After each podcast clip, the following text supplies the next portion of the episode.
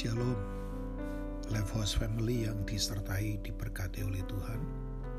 Roma pasal 8 ayat 28 berkata, kita tahu sekarang bahwa Allah turut bekerja dalam segala sesuatu untuk mendatangkan kebaikan bagi mereka yang mengasihi dia, yaitu bagi mereka yang terpanggil sesuai dengan rencana Allah.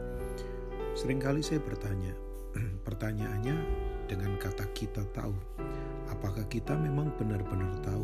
Saya ini benar-benar tahu atau hanya sok tahu? Nah, tanda orang tahu adalah dia akan punya ketenangan batin yang kuat untuk meresponi semua hal dengan cara yang benar. Karena Alkitab tadi berkata, Tuhan turut bekerja dalam segala sesuatu, ya. Jadi artinya bahwa kalau Tuhan turut bekerja dalam segala sesuatu itu bukan saja, melainkan juga sering kali hal-hal yang menurut kita tidak gampang untuk kita hadapi.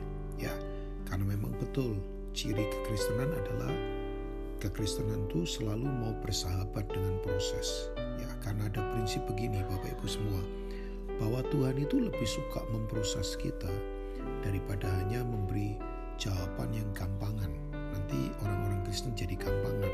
Karena saya ingatkan buat Life House Family, kekristenan itu bukan gampangan. Kekristenan itu sangat mahal sekali di hadapan Tuhan. Ya, nah tadi dikatakan bahwa Tuhan itu turut bekerja ya untuk mendatangkan kebaikan bagi yang mengasihi Dia. Jangan lupa itu kata itu bahwa Tuhan turut bekerja untuk mendatangkan kebaikan dalam segala sesuatu bagi orang-orang yang mengasihi dia. Jadi tidak sembarangan. Pertanyaan saya, apakah saya, apakah Bapak Ibu mengasihi Tuhan dengan segenap hati? Bahwa dia menjadi yang terutama dalam kehidupan kita. Tidak ada yang lain. Makanya saya percaya kekuatan kekristenan adalah Yesus saja. Tidak perlu ditambah apa pun. Tidak perlu ditambah aksesoris-aksesoris yang lain. Bahwa Yesus harus menjadi fokus yang utama. Nah, Waktu kemudian kita tahu bahwa Tuhan turut bekerja dalam segala sesuatu, tapi kemudian untuk mendatangkan kebaikan, jangan berhenti hanya untuk kebaikan saja. Karena kalau kita hanya berhenti saja di situ, nanti kekristenan jadi nyaman. Ya, padahal kita tahu pembunuh iman kekristenan itu bukan uh, penganiayaan. Kita tahu gereja semakin dianiaya, semakin kuat. Tapi pembunuh iman yang paling luar biasa adalah roh kenyamanan, di mana orang sudah tidak lagi mengandalkan Tuhan, tapi mengandalkan fasilitas, kedudukan, uang, dan yang lain. Nah, yang berikutnya ternyata kalau kita membaca di ayat 29 bahwa semua orang yang dipilihnya dari semula itu ditentukannya untuk menjadi apa? Serupa dengan gambaran anaknya dan sebagainya.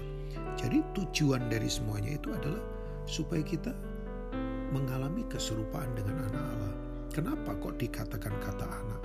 Ini adalah pernyataan fundamental fundamental buat kehidupan kita. Karena ini adalah tujuan awal manusia diciptakan di kejadian satu yaitu kita menjadi anak-anaknya. Makanya ini adalah masa depan kita. Makanya saya percaya waktu Yesus turun ke dalam dunia sebagai anak laki-laki Alkitab berkata ya huyos itu artinya dia adalah pribadi yang memunculkan ras yang baru, keturunan yang baru. Sebab ras yang pertama, rasnya Adam, itu gagal. Karena apa? Memberontak di hadapan Tuhan. Nah, Yesus turun ya untuk menciptakan ras atau keturunan yang baru di mana kita semua bisa melihat contoh dalam kehidupannya. Makanya dia turun menjadi manusia, anak-anak anak lelaki, anak laki-laki yang turun untuk menebus dosa dunia. Kita ini punya contoh, yaitu hidupnya. Makanya waktu dia turun ke dalam dunia, dia turun uh, menjadi sama dengan kita, berbaur dengan manusia. Kita punya contoh. Makanya kalau kita membaca di Ibrani pasal 5, dalam hidupnya ya sebagai manusia, kita baca dia telah mempersembahkan yang terbaik buat bapaknya, dan sekalipun dia anak, ayat yang ke-8, dia telah menjadi taat dari semua apa yang dia derita. Nah, saya percaya bahwa kita punya contoh, kita punya kualitas untuk tujuan ini, yaitu lewat pribadi Yesus. pribadinya adalah punya apa? Kebenaran yang kuat di dalam batin yang tidak perlu dipamerkan, tapi akan kelihatan lewat cara hidup yang secara alamiah.